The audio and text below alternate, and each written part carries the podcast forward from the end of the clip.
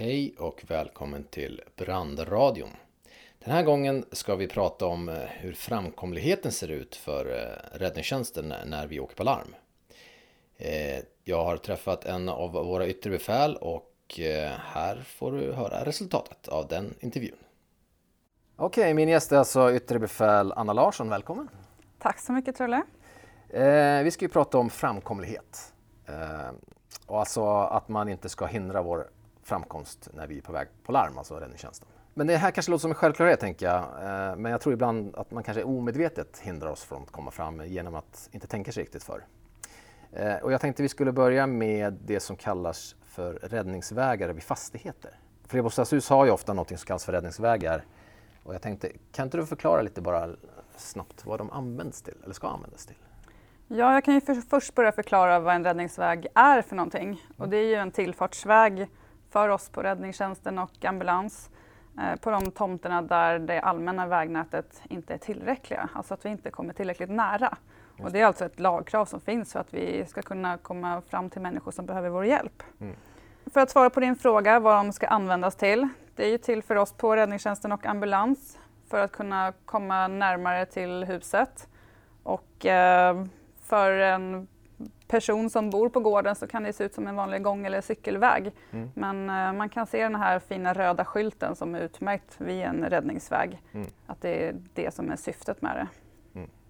Så uh, vad är det vi liksom använder dem till? Alltså, vad, varför behöver vi använda dem? Ja, ibland eh, kan man ju se att eh, man bygger som innergårdar med flerfamiljshus runt omkring. Och då kanske entrén är ut mot den stora vägen som man normalt åker på. Mm. Men för att komma åt en balkong till exempel med, vår, eh, med vårt höjdfordon så kan vi behöva komma in på baksidan. Och mm. då har vi vissa krav som de här vägarna ska uppfylla för att kunna tåla tyngden av våra fordon. Så vi ska kunna resa en stege mot balkongen till exempel. Okej, okay, så de kan vara speciellt utformade liksom efter våra behov? Så att säga. Ja, och det är ju våra fordon alltså med bredd och vikt som styr. Mm. Eftersom det är de tyngsta fordonen. Sen ska de ju passa för ambulanser och sånt också men mm. det är vi som har de tunga fordonen. Så. Just det. Okej, okay, men om man bor i en fastighet där de här vägarna finns, vad, vad är det man ska tänka på? Ja, men jag förstår lockelsen av att man vill använda den här vägen till vardags eftersom den är ju praktiskt placerad så att man kommer nära in på entrén om man har varit och handlat eller om man ska åka och plocka upp någon vän eller bara springa in. Mm. Uh, men just i sådana här lägen där risken är att du blockerar vägen för oss så att vi inte kommer fram uh, om det finns en nödställd person. Mm. Det, är, uh, det innebär stora konsekvenser för oss. Mm. Det kan ju vara katastrofalt för den som sitter och väntar på vår hjälp. Så att liksom parkera och sådär på de här ställena är helt olämpligt egentligen? Ja, det är verkligen olämpligt. Och mm. Vi har ju exempel på bostadsrättsföreningar till exempel som har försökt få bort problemet med att personer kör in och istället har ställt blomkruk, blomkrukor och blomlådor på vägarna. Och för vår del så är det lika tokigt det också, även om vi förstår syftet. Mm. Så tillbaka till det du säger, att det är ju ingen som medvetet försöker göra, alltså skapa problem för oss, men det blir väldigt tokigt i mm. många lägen ändå. Men om vi, eftersom vi ändå är inne på uh, flerbostadshus, uh, finns det några fler hinder som vi kan ha stött på när det gäller de typerna av hus? Ja, det är ju Kollar vi utvändigt så kan det också vara att man planterar många buskar och sånt på platser som är avsedda för våra stegar. Mm. Alltså då pratar vi om sådana stegar som vi reser upp och inte höjdfordon. Mm. Uh, andra problem som vi stöter på ganska ofta det är ju att man ställ, väljer att ställa barnvagnar eller cyklar in i trapphuset och rent av praktiska skäl att uh, man inte vill ta in den i sin lägenhet. Mm. Men uh, sådana saker som människor ställer i trapphuset innebär ju stora problem när vi ska ta oss in till en skadedrabbad i en brinnande lägenhet och kan bli problem både för dig och dina grannar också mm. eftersom det är den vägen ut som ni har. Ja men vad bra. Eh, när vi spelar in det här avsnittet så är det ju i början på sommaren. Eh, vilket också innebär att badsäsongen ju snart kommer igång. Eh, tyvärr så ökar ju också drunkningsolyckorna på sommaren, eh, vilket är något som vi ju blir larmade till. Eh, vilka problem kan vi stöta på när vi kommer fram till en populär badplats eh, där någon behöver hjälp? Ja, det är ju alltid många tankar som snurrar när vi får ett larm om drunkning. Mm. Och jag hade önskat att framkomligheten inte var en av dem. Men dessvärre så är ju det ett stort problem idag också. Att eh, många vill ha Många vill komma så nära stranden som möjligt och eh, parkerar på vägar som är avsedda för räddningstjänsten. Mm. Och jag tror att det är ett beteende som smittar av sig. Att är man osäker och ser att det står många bilar där så ställer man sig själv där också. Medan när det är en tom väg så tänker man efter en gång extra. Så vi får eh, hjälpa varandra att bli bättre på det här. Mm. Så var ska man stå någonstans? Då? Ja, det brukar ju alltid finnas avsedda parkeringsplatser som oftast är en liten bit längre bort. Mm. Men eh, försök ta er den tiden. Har ni tagit er till stranden för att ha en eh, fin dag där så ta den där lilla extra promenaden också. Mm. Bra tips. Eh, men okej, okay, vilka konsekvenser kan det få då att vi inte kommer när, närmare stranden? Liksom?